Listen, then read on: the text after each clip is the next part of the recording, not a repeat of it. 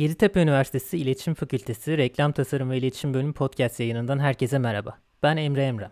Mezunlarımızla yaptığımız podcast serimizin bu yayınki konuğu 2012 mezunumuz Ufuk Utaş. Hoş geldin Ufuk. Hoş bulduk hocam. Nasılsınız? İyiyim, teşekkürler. Sen nasılsın?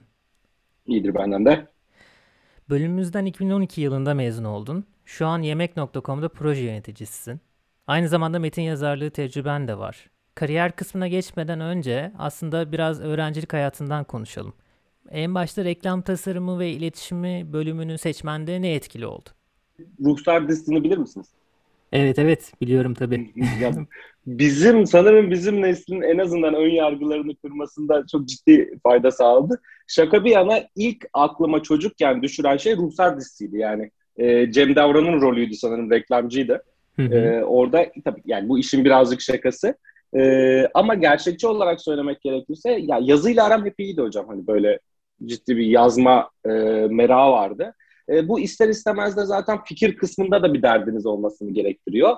E, bu hem yazıya merak hem e, fikir bulma, buralarda bir şey yapma isteği de e, en katma değerli bölüm açıkçası o zamanlar için e, reklamdı. Bence hala da öyle.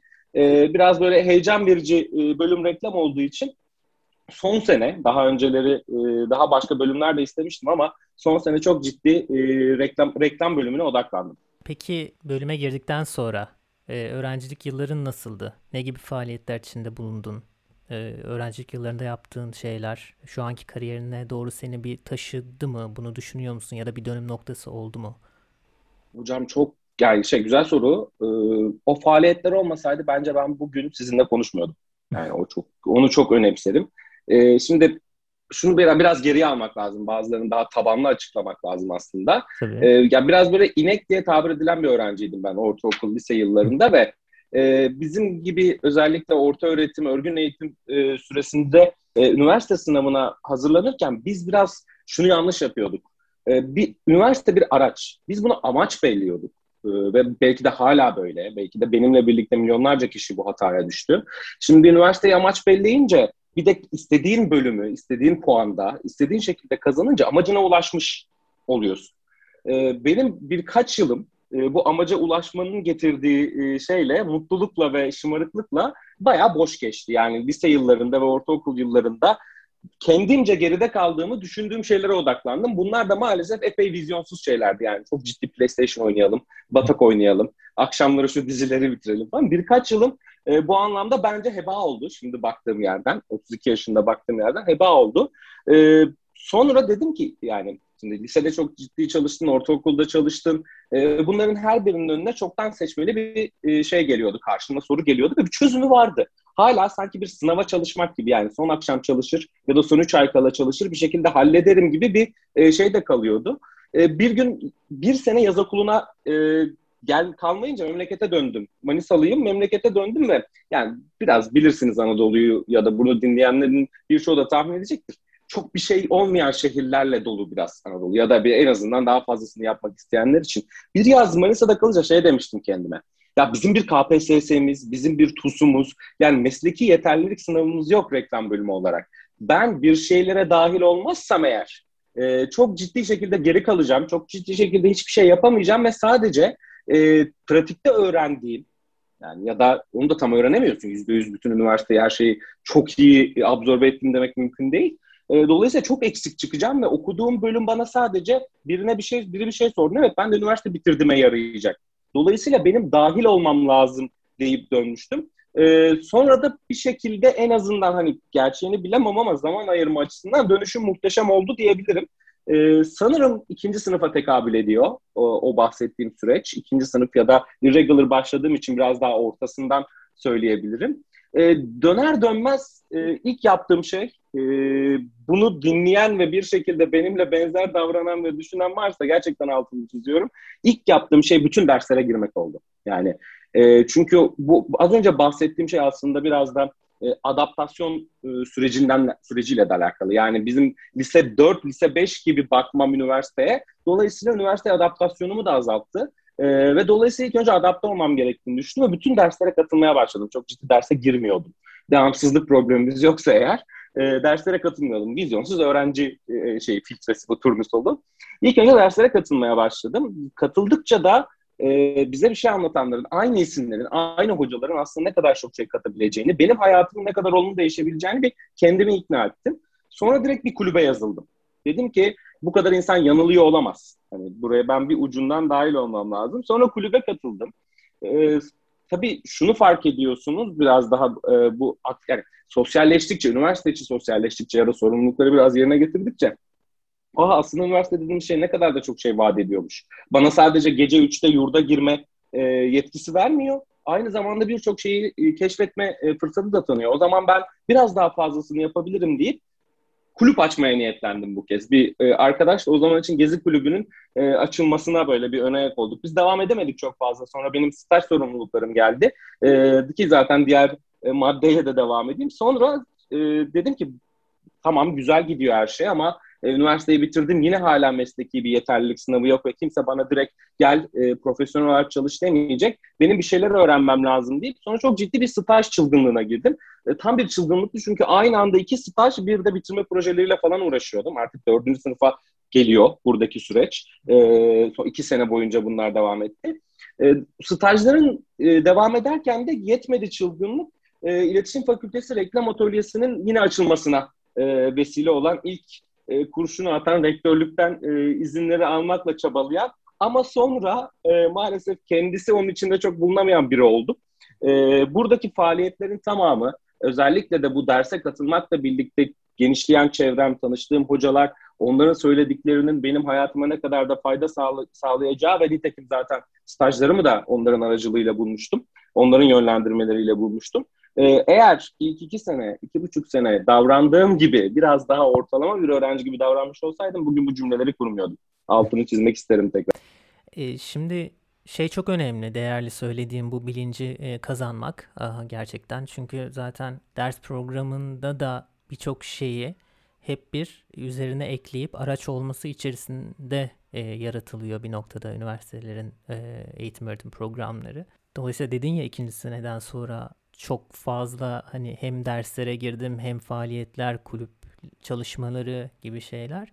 Her zaman için ben de öneriyorum hep öğrencilere yani verim almanın e, yoluna hep bakın çünkü kariyerinizde çok etkili olacak şu an yaptıklarınız. Gerek portfolyo açısından işte gerek tecrübe açısından zaten onları aktarabileceksiniz diye hep biz de öneriyoruz aslında.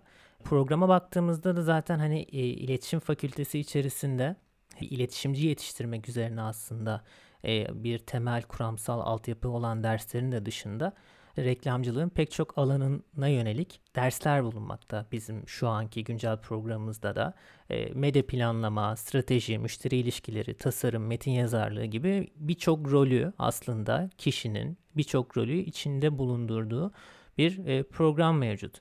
E, peki şunu soracağım. Bu alanlardan sen kendine uygun olanı bulman da e, nasıl bir yol izledin? Öğrencilik yıllarındaki kararını vermen bu alanda çalışmaya nasıl oldu?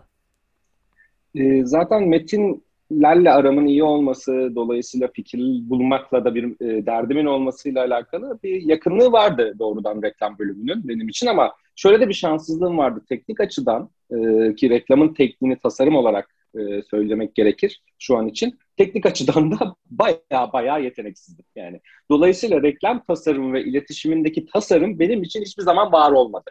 Yani hiçbir zaman hiçbir noktasında var olmadı. Biraz talihsizliklerim de vardı. Lise yatılı okulu okuduk. Orada bir bilgisayara erişim e, kısmında eksikler oldu ve dolayısıyla onlar haşır neşir olmam da çocukluğumda daha az olduğu için hani üniversitede başladı. Biraz gecikme de var ama tabii bu yani sebep. Bunu her zaman aşabilmek lazım, aşabilmeliyiz. Ama ben dedim ki ben ikinizi birden yapamam, çok aşikar. Buna yetemem. E, zaten biraz böyle belli disiplinlerde uzmanlaşmak lazım. Tasarım kısmını kendimi tamamen dışarı aldım. E, iletişim, reklamcılık, e, yaratıcı metin kısmına odaklandım.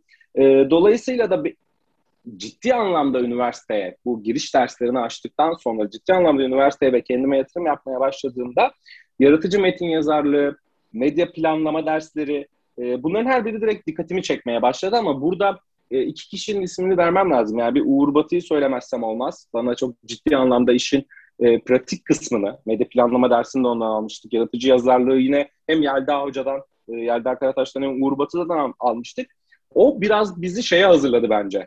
E, uzmanlığa hazırladı. Yani aslında girişe hazır etmeye başladı. Somut şeyler öğrenmeye başladığımızda aslında elimizde biraz daha materyal olmaya başladı. Aa evet ben medya planlamaya dair CPM denen şeyi öğrendim. Ben somut bir şey öğrendim. Evet ben bugün bunu devam ettirirsem, üzerine kendim de inşa e, edersem bir staj yapmaya gittiğimde ne olup bittiğini en azından fikrim olacak. Girer girmez kimse bize sorumluluk vermeyecek ama en azından ne olup bittiği konusunda fikrim olacak. Güzel. Somut e, cebimizde aslında heybemizde somut şeyler biriktirmeye başladık. Bu heyecan vericiydi.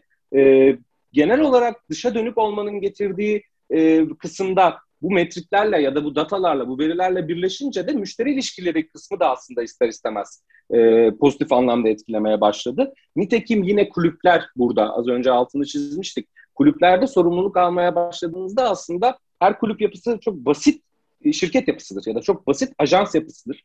E, her kulüp kendi içerisinde kendi ünvanları ve title'ları barındırır. E, bunun direkt iş hayatı karşılığı vardır. Yani uzman, yönetici, müdür, direktör, C-level, CEO, genel müdür gibi direkt e, şeyleri vardır. Dolayısıyla buralarda buralarda sorumluluk almaya başlayınca e, iletişim kaslarında direkt güçlenmeye başlıyor ve bunun gerekli e, verilerini, gerekli tanımlarını öğrendiğinde de artık herkesle anlaşabilir hale geliyorsun. E, bunları somut söyleyebilirim. Bir de tabii tüm bu kuramsal dersler, tüm teori gibi gözüken e, dersler orada da işi uzmanlığa girdikten sonra artık yükselmeye başladığınızda strateji kısmında özellikle yani hayata dair, işe dair strateji kısmında e, bize çok ciddi fayda sağlamaya başladı. Yani kendim adı, kendi adıma şunu söyleyebilirim. E, medya planlama, müşteri ilişkileri, yaratıcı yazarlık dersleri beni uzman. Yönetici olduktan sonra kuram, kurumsal dersler strateji konusunda çok e, ciddi fayda sağladı. Çünkü iletişimin son 300 yıllığını bilin, bilirsek eğer, son 300 yılın daha doğru anlamaya başlarsak eğer ister reklamcı, ister radyo sinemacı, ister PR, ister kurumsal iletişim nereyi seçerseniz seçin, ister görsel tasarım temelde bir iletişimcisiniz. Ee, gideceğiniz yer. Yani ilk önce geçen hatta şeyde de söyledim. Burada da altını çizmek istiyorum. Bir e, derste daha konuk olmuştum. Yani önce iletişimci olun, bir ara reklamcı olursunuz diye. Çünkü temelde yaptığımız her şey iletişim.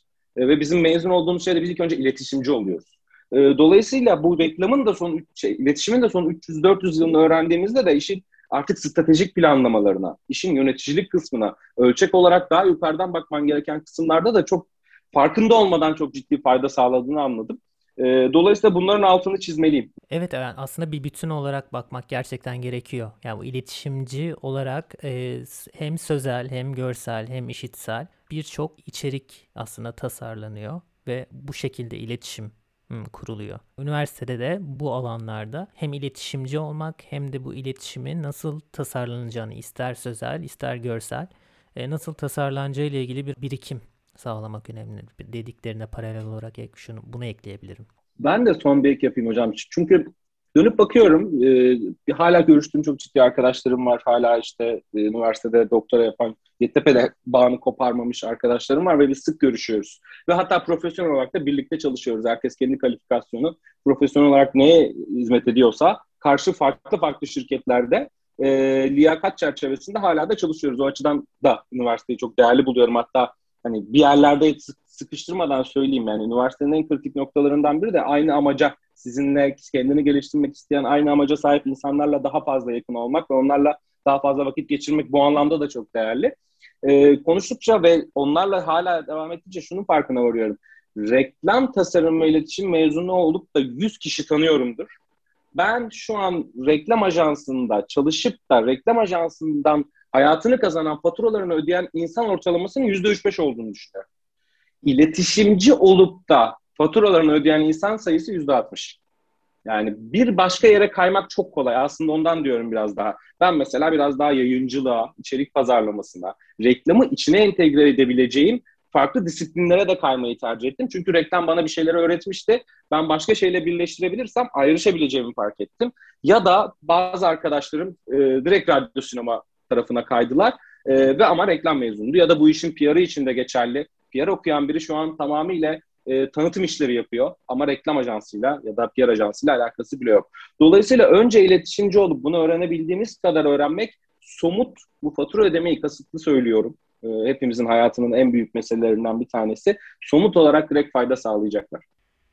Aslında böyle akılda da kalıcı bir cümle söyledin. Daha önceki katıldığın etkinlikte de söylemiştin hatta. Önce iletişimci olun cümlesi önemli gerçekten ve e, peki burada mesela biraz şu an kariyer tarafına e, yönelecek olursak metin yazarı olarak belli bir dönem çalıştın. Buradaki biraz bize bu tecrübelerini aktarabilir misin? Metin yazarı kimdir? Bu iletişimi oluşturmadaki konumu nedir?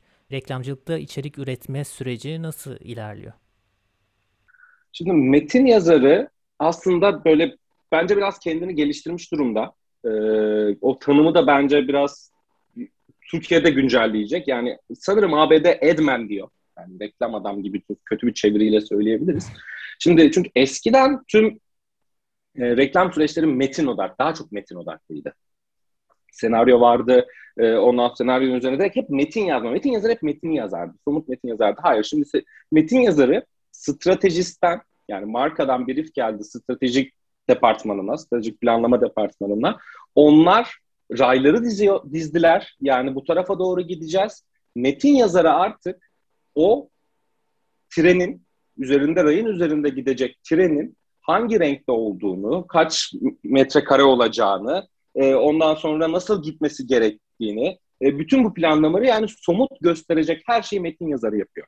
Dolayısıyla biz şu, şu yöne gideceğiz. Gideceğimiz yön bu. Haydi metin yazarı bizi buraya götür seviyesinde bence şu, şu an. Yani metin yazarının yapacağı işte benim somut olarak yaptığım kısımlarda daha bu kadar video işte bunun sosyal medyası falan dönemi değildi. Ben onlara biraz daha yayıncı e, ve içerik pazarlaması profesyonel olarak dahil oldum ama genelde brief'i alıp strateji departmanıyla birlikte çalışıp oradaki son çıktığı e, söyleyebilmek. Dolayısıyla aslında brief'ten anlayan çok orta noktada görüyorum metin yazarını. Brief'ten anlayan, stratejiden anlayan, sonra teslim edeceği tasarımdan, kreatiften ve yine o iletişimcinin altını çizeceğim. Son çıktılardan anlayan bu videoda böyle durur, görselde böyle durur. Dolayısıyla merkez adam olarak görüyorum metin yazarını. Ee, bunu bunu söylemeliyim. Yani bir metin yazarı reklama dair en çok kim ne bil, kim ne bilmeli derseniz e, bence reklama dair en çok metin yazarı bir şey bilmeli. Peki proje yöneticisi ne yapar? Biraz da şimdiki güncel rolünden bahsedebilir misin? İş akışı nasıl gerçekleşiyor proje yönetimi sürecinde? Ee, ben biraz o zaman şöyle yapayım. Hani birden çok geçiş olmasın, çok hızlı geçiş olmasın. Kariyerle alakalı bir hızlı özet yapayım. E, ardından buraya varalım. Çünkü bu proje yöneticisi dediğimiz şey bildiğimiz anlamda project management değil benim pozisyonum. E, project management aslında onlarca pozisyona sahip bir şey. A'dan Z'ye bir işi tamamlama operasyonu. Yani project management için çok fazla e, sektörden çok fazla ünvan bulabiliriz. Benimkisi proje yöneticisi o anlamda değil. E, şimdi spoiler'ı verdim, başına döneyim. Metin yazarı olarak başladıktan sonra birkaç reklam ajansı e, deneyiminden sonra e, biraz daha 360 ajans deneyimlerine de başladım. O staj dönemleri işte ilk profesyonel hayatta. Metin yazarlığında biraz dilim yandı. Kreatif direktörlerle anlaşma, senior metin yazarlarıyla anlaşma kısmında biraz dilim yandı. E, bu dil yanması aslında negatif bir şey de değil. Aslında hani kendi içimde kendime kanıtladım ama bir yerden sadece metin yazarı olarak gidebileceğim yolun e, istediğim hızda olmayacağını varsaydım. Biraz daha kendimi kanıtlamak ya da bir şeyleri, daha doğrusu kendimi kanıtlamak yanlış.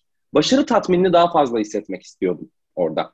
E, dolayısıyla ben bunları neyle birleştirebilirim derken yıl 2012-2013'üne tam da üniversiteden mezun olacağım, mezun oldum. Content is the king e, ilk defa böyle Huffington'ın ağzından çıkmıştı işte bir şey aracılığıyla, Medyaket aracılığıyla buralarda etkinlikler verilmiş falan derken ben biraz kulak kabartmaya başladım. Ee, üniversitedeyken de yine iletişimci olmanın getirdiği şeyle ben gazetecilikten falan da çok ciddi e, dersler almıştım. Yani peşinden koşmuştum gazetecilik derslerinin de. Hatta rahmetli Tayfun Talipoğlu e, ders ver, vereceğim duyunca e, taklalar atmıştım ben o dersi alacağım diye. E, o anlamda şeyim de vardı. Yayıncılıkla alakalı merakım da vardı. Sonra kendime dedim ki ya ben metin yazarlığı kısmında yani yaratıcı metin yazarlığı kısmında varım. iyi kötü varım. Yani e, en azından ortalama olarak varım. Ben niye bunun yanına editörlük, yayıncılık disiplinlerini katmıyorum? Bana iletişim fakültesi bunu da öğretti. Ben bu ikisini birleştirdiğimde diğer tarafta fark yaratabilirim belki. Çünkü editör dediğimiz kavram e, o zaman için yaratıcı metin yazarlığı kapsamıyordu. Ben burada farklılaşabilirim kendi dilimle, kendi öğren öğrendiklerimle deyip biraz oraya kaymaya başladım. Sonra editör ve metin yazarı yani copywriter hem editör yap editörlük yapabileceğim işlere girişmeye başladım. Nitekim o zaman içinde e, işte ilk yayıncı e, şey e-ticaret Mac vardı. Şu an e, kapalı maalesef. Böyle pazarlama ve e-ticaret odağında Türkiye'de neredeyse ilk e, sitelerden biriydi. Orada biraz deneyim kazandım. Bu tabii bir ajans çatısı altındaydı. Pradma Ajansı çatısı altındaydı. Sonra burada deneyim kazandıktan sonra biraz da yayıncılığı öğrenmeye başladıktan sonra da biz e, aynı ajans kendi hem markalara hizmet veriyorduk. Markaların kendi içeriklerini üretiyorduk. Hem de kendi ürünlerimizi, kendi sitelerimizi çıkarıyorduk. Listeli sitesini kurduk. Ee, işte Mayıs 2013 yılında kurduk. O dönem için e, böyle yeni bir şeydi. Yani bu BuzzFeed'in aslında e, Türkiye e, şeyi, klonu gibi bir şey diyebiliriz ona. O çok ses getirdi. E, benim de istediğim şeylerden bir tanesi oydu. Ses getirebilmeyi başarmak. E, ondan sonra biraz daha böyle hayatım bir yaklaşık bir yıl kadar çok yoğun içerik üretimi, her gün editörlük ya da curator dediğimiz editör bir basın bültenini çeviren kişi olarak da tanımlanabilir. Ben biraz curator diyeyim. Yani bu liste içeriği dediğimiz 3-5 yılı iyi çok ciddi anlamda yayıncılıkta e, trend olan e, liste içeriğinin e, yazarı aslında biraz curator'dır. Yani sıfırdan her şeyi kendi yazmaz ama tam bir basın bültenini de çevirmez, editörlük de yapmaz. Etrafında olan biteni, etrafında olabilecek itemleri, itemları birleştirip bir yazı haline getirme. Biraz yorum, bazen eğlence gibi. E, biraz curator tanımı var burada. Curator'lık yaptım. E, ardından e, o dönem için işte biraz ön plana çıkmak istiyorum demiştim. O istediğim gibi de oldu. O iş tutunca haliyle işin parçaları olan bizler de e, biraz daha ön plana çıkmaya başlamıştık. E, o noktadan sonra ajansta birlikte çalıştığım e, yöneticim e, Yemek Sepeti'ne geçti. Yemek Sepeti'nin bir içerik projesi e, için Yemek Sepeti'ne geçti. Sonra e, ben de onun yanına dahil oldum. Kendi e, onun yerinde ben yöneticiliğe başlamıştım liste liste ama sonra dedim ki yine birlikte bir şey yapalım. Yani mentor benim için mentordu ve birlikte çok başarılı olacağıma inandığım biriydi. E, dolayısıyla Yemek Sepeti tarafına geçtim. Yemek Sepeti tarafı yemek.com'u kurdu. Az önce bahsettiğim doğrularda hani Türkiye'de içerik işi, Türkiye'de yayıncılık, içerik pazarlaması çok ciddi e, trend. Biz de bu işe girelim. Biz de bu işi yapalım dedi ve yemek.com gibi çok güçlü bir domain e, boştaydı. E, dolayısıyla ben orada tekrar editör olarak başladım. Yani orada yine tekrar editör, creator olarak başladım. E, sonra yıllar içerisinde artık 8. yıldayım. Yıllar içerisinde aldığım terfilerle e, şu an e, proje yöneticisiyim. Yani Project Director diye geçiyor. E, şimdi şimdi artık gelebilirim tekrar e, sona bir spoiler'ı verdiğim kısma. E, bizde Yemek Sepeti'nin e, geçmişte şu an aramızda olmayan e, 3-4 tane daha projesi vardı. İrmik, Lokum, Papyon, işte İrmik B2B e, e-ticaret üzerinden market alışverişi diyebiliriz. Otellere, restoranlara toptan satış yapan bir e-ticaret sitesiydi. E, Lokum bu taze direktin atası diye kabul edebileceğimiz özel gurme ürünleri Anadolu'dan getirebileceğin bir e-ticaret sitesiydi. Papyon, restoran rezervasyonları e, yapabildiğin e, bir e-ticaret sitesiydi. E, Yemek.com'da yemek yayıncılığı üzerine odaklanan bir içerik sitesi projesiydi. E, bizdeki buradaki proje yöneticisi aslında buradaki tamamen e, modeli yönetiyor. Yani aslında burada biraz daha e, benzetmede şey olmasın, tüm işletme yöneticiliği gibi bir şey var. Yani tüm her şeyinden sorumlu. Yani ben şu an için e, yemek.com'un var olan tüm sürecinden sorumluyum. Burada yine bir benzetme yapalım. Yemek sepetini yatırımcı olarak düşünelim. Beni de yatırım alan ekibin sorumlusu olarak e, düşünelim. Ben oradaki köprüyü kuran ve aradaki uyumu da sağlayan, orayı da aradaki alıcıları da e, birbirine dengeleyen ve geri kalan tüm ekibinde e, işe alımından da, işte muhasebesinden de, hukukundan da, e, işte maaşlarından da, e, ondan sonra içeriğinden de, operasyonundan da her şeyinden sorumlu kişiyim. Benimle birlikte çalışan da hem IT ekibim, e, hem pazarlama ekibim, hem içerik ekibim, hem video ekibim e, var. Ve biz hep birlikte operasyonun tamamını yürütmeye çalışıyoruz. Buradaki proje yöneticisi bu. Yani bir e, operasyonu A'dan Z'ye yapmaktansa bir işletmeyi, bir e, kobiyi, bir şirketi e, tamamını sorumlu olmak gibi diyebilirim. Anladım. Anladım. Çok Umarım e, ifade edebilmişimdir. Biraz e, şey bir yapı, farklı bir yapı e, bizimkisi. Yok gayet e, açık, net ve iyi ifade ettin bence. Peki şimdiye kadar karşılaştığın e, kendi hatandan dolayı ya da elinde olmayan nedenlerden işin içinden çıkmakta çok zorlandığın ama sonunda da durumu kurtardığın bir anın var mı? Var. Yani iyi ki oldu buna verecek başka cevabım da olmazdı. Zaman zaman böyle sorularla hem kendi kendimize e, karşılaşıyoruz hem de duya, duyabiliyoruz. E, şimdi bir hemen bir az önceki soru şeye de açıklamalarıma da bir şey getireyim. Yemek.com olarak biz e, yayıncıyız. Günlük içerikler üretiyoruz. E, yemek tarifleri, e, pratik bilgiler, püf noktaları, yemeğe dair aslında eğlence, fayda, ilham odağında e, içerikler üretiyoruz. İşte YouTube kanalımız, Instagram, TikTok, sitemiz, app'imiz. Aslında şu an e, bizim gördüğümüz, etrafta gördüğümüz birçok yayıncı gibi olabilecek her noktada varız.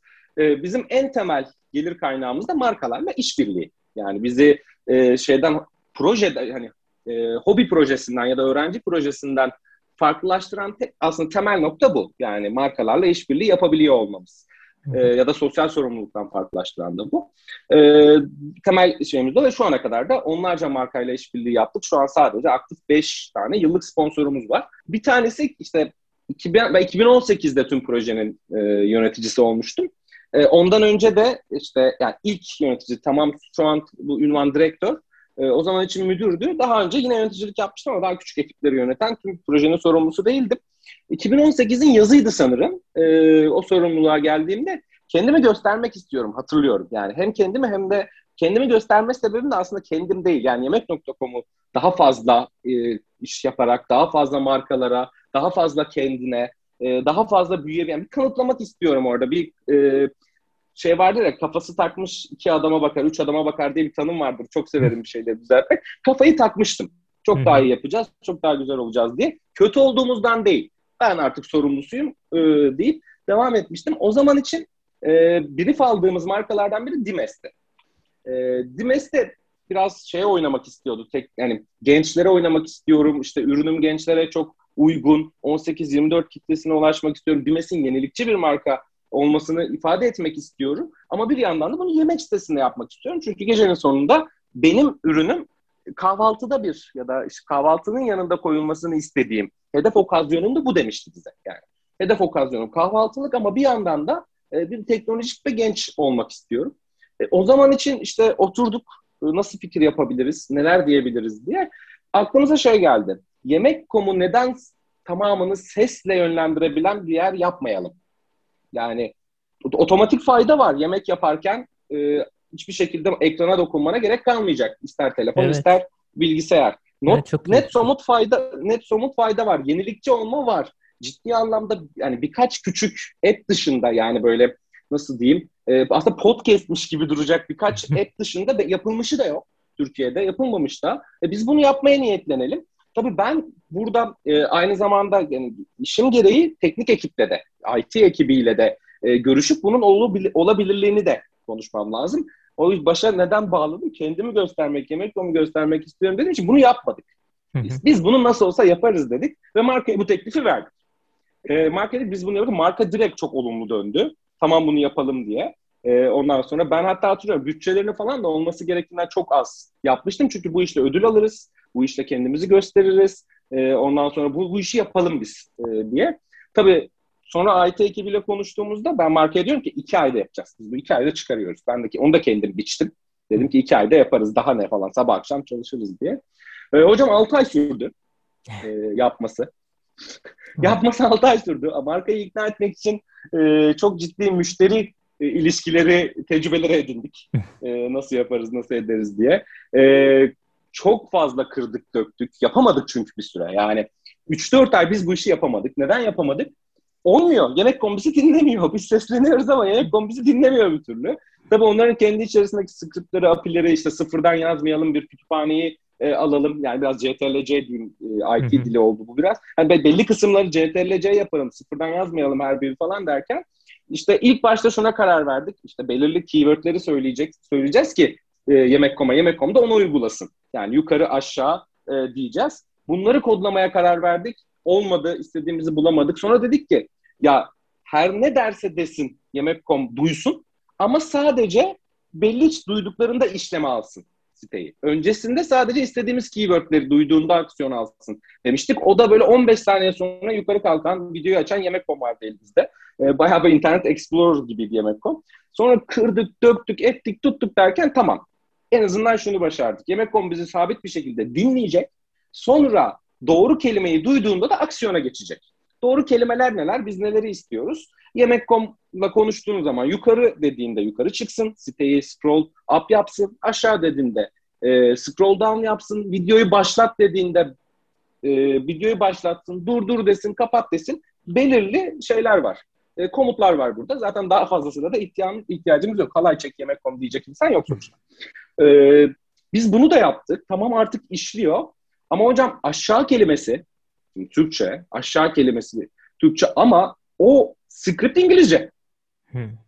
Yok haftalarca biz ya olmuyor her seferinde din, duymuyor bizi her seferinde dinlemiyor. Şunu yaptık şirkette sağ olsun 150 kişiden kadın erkek farklı 150 kişiden odaya alıp aşağı dedirttik. Sonra sistemin bizi anlamaya çalışan sistemin bunu nasıl okuduğunu anladık. Dedik ya bunu nasıl okuyor? Her seferinde meğersem o aşağı işte yumuşak G ve Ş orada ikisi birleşince çok sert. Sistem bunu her seferinde bambaşka kelime olarak anlıyor. Aşı, aşağı, aşık binlerce kelimenin e, denemesini yaptık. Yüzlerce kişiyle denedik. Binlerce kişinin denemesini yaptık. Altıncı ayın sonunda da bu işi çıktık. Markayı ha geliyor geldi. Vallahi çok güzel oldu. Şimdi bir aksilik. Bizim suçumuz değil Amazon'un suçu gibi böyle idare ede ede. Sağ olsun onların da kulakları çınlasın. Ee, çok da uyumlulardır bu arada. Başka bir markayla bunu muhtemelen yapamazdık. Ee, bir şekilde başardık. Ee, tabii sonra işte sorunun devamında sanırım şey vardı. Sonu ferahlığa, yeşilliğe çıktı mı? evet. Ee, hocam altısı global 10 ödül aldı. Ee, benim en gurur duyduğum e, Digiday'den, yani Digiday'i biraz Avrupa'nın ve biraz gibi söyleyebilirim. E, Avrupa'nın e, en inovasyon e, içerik projesi ödülünü aldı. E, Amerika'dan 4 ödülle döndü. Smarties'den 4 ödülle döndü. Türkiye'den 6 ödül aldı. Alanında Mix gibi, Smarties gibi çok hani hem teknoloji hem içerik pazarlaması hem de pazarlama kısımlarında çok güzel ödüller aldı ve bizim önümüzü çok açtı ondan sonra. Sonra hem Dimes'in kendisiyle onlarca işler yaptık. Sonra birçok markayla da işbirliği yaptık. Çünkü artık kendini business anlamında çok ciddi kanıtlayan bir mecraydık. Ama bize yani şirkette şimdi Yemek.com aynı zamanda yemek sepetinin içerisinde ve yüzlerce insan var. Ee, iki arkadaşız. Ben product manager'ım o zaman. Bir de product owner'ımız var. Birlikte üretiyoruz süreci. Bizi kim görse aşağı diyordu. Yani aylarca e, bizi asansörde gören aşağı, e, bahçede karşılaşan aşağı diyordu. Böyle de anısı var. Ben bugün ofise dönsem aşağı desem ne oldu Dimes mi geldi diyecek yüzlerce insan var.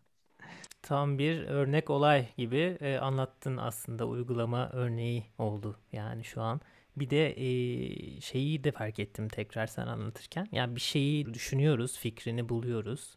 E, ama e, uygulamaya aktarırken birçok farklı alanda e, sorun çıkıyor. Birçok farklı alanda zorluk veya işte bir takım engeller çıkıyor. E, öncesinde çünkü bu fikri bulan kişi olarak e, senin e, ya da bu fikri bulanın öngöremeyeceği birçok şey çıkıyor. Yani bu da aslında sürecin doğal bir parçası.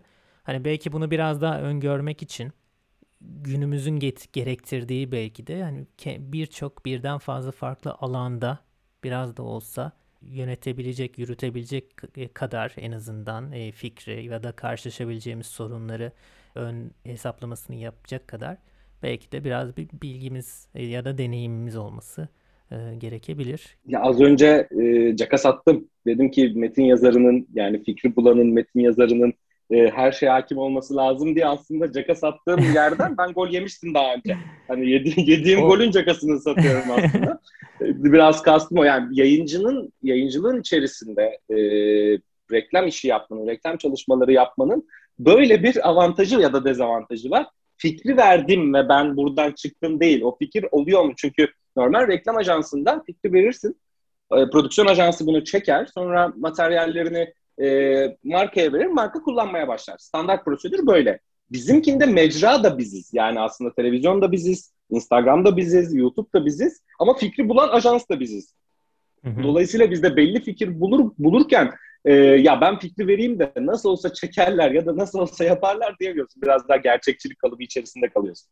Şu an e, yayının sonuna doğru geliyoruz yavaş yavaş. Ben bir iki şey daha soracağım sona gelmeden önce. Şu an tam mezun olduğun zamana ya da son senene dönsen o zamanki ufağa ne söylemek istersin?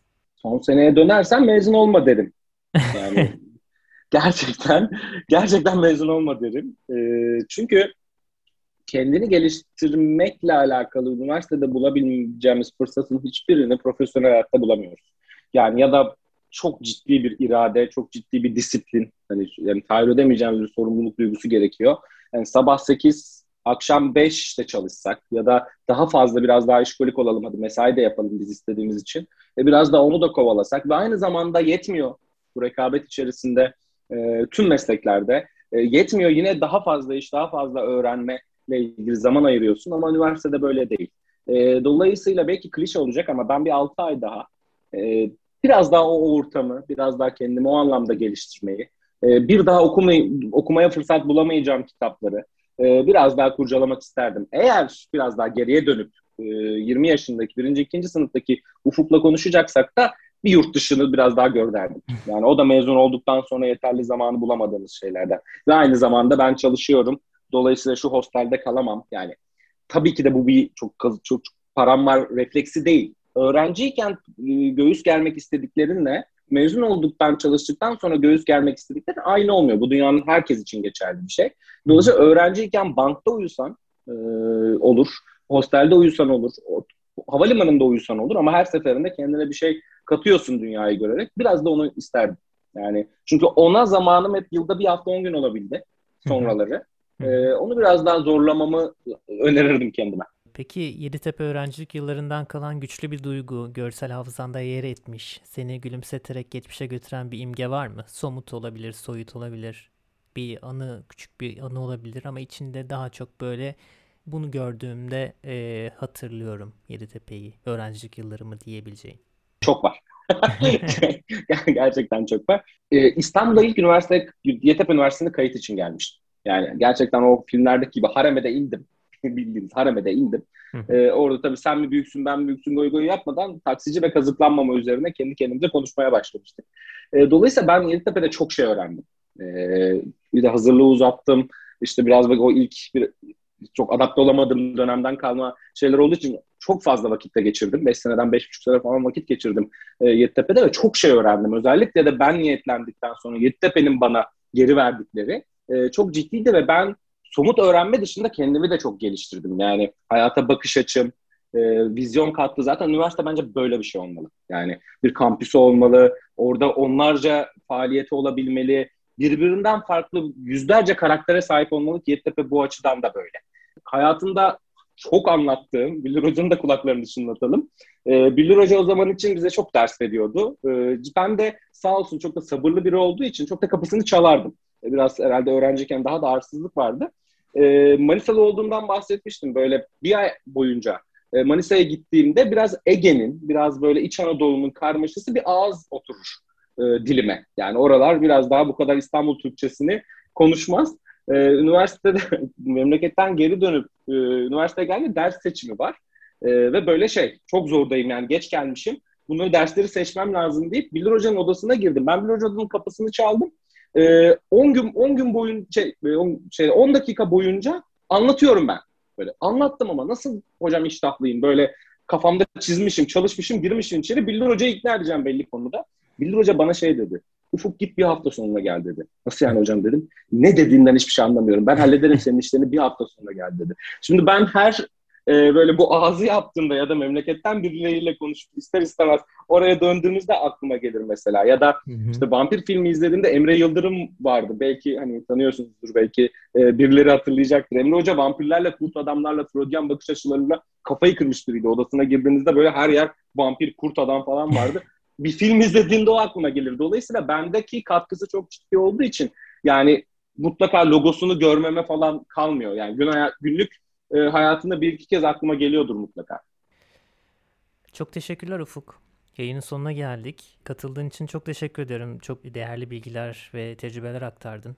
Rica, rica ediyorum hocam. Yani şu umarım birilerine fayda dokunabiliriz. Çünkü aslında bu tek bir yol ve biz bundan ben bundan 10 yıl önce yola çıktım ve benimle birlikte e, arkadan gelen arkadaşlarım var. E, normalde profesyonel hayatta konuşmacılık var. Profesyonel hayatta kendi yaptığınız işi topluluk önünde anlatma var. Zaman zaman e, benim de karşıma çıkan detaylar. E, yapıyorum. Bu da bir işinizin parçası diyorum ama hiçbirinden bu kadar ciddi zevk almıyorum. Çünkü e, zamanında kariyer günlerinde birileri bir şey söylese de biz de bir feyiz alsak dediğimiz günleri hatırlıyorum. E, belki o kadar e, ilham veren, o kadar vizyon açan, e, kafa açabilen e, konuşmacılar ya da insanlar değiliz ama bir cümle bile bazen e, fayda sağlayabiliyor. Bunu her zaman yapamazsınız ama bunun peşinden koşan, e, henüz yolun başında olan genç arkadaşlar için umarım en azından bir tanesi e, dokunmuştur. Yani özellikle benimle onlarca yol var geçmişten kalan. Özellikle benim gibi birkaç yıl e, biraz daha böyle konu dışında kalan ama sonraları bir şey yapmak isteyen arkadaşlar için e, umarım fayda sağlar. E, bir şekilde oluyor. Yani e, Yeditepe Üniversitesi isteyene e, istediği kadar ömrü boyunca fayda sağlayabilecek her şeyi verebilecek bir üniversite. Ama yeter ki biz de ona verelim. Yeter ki biz de taşın altına elimizi koyalım. Çok teşekkür ederim tekrar. Yeditepe Üniversitesi İletişim Fakültesi Reklam Tasarım ve İletişim Bölümü podcast yayınımızın sonuna geldik. Bir başka yayında görüşmek üzere.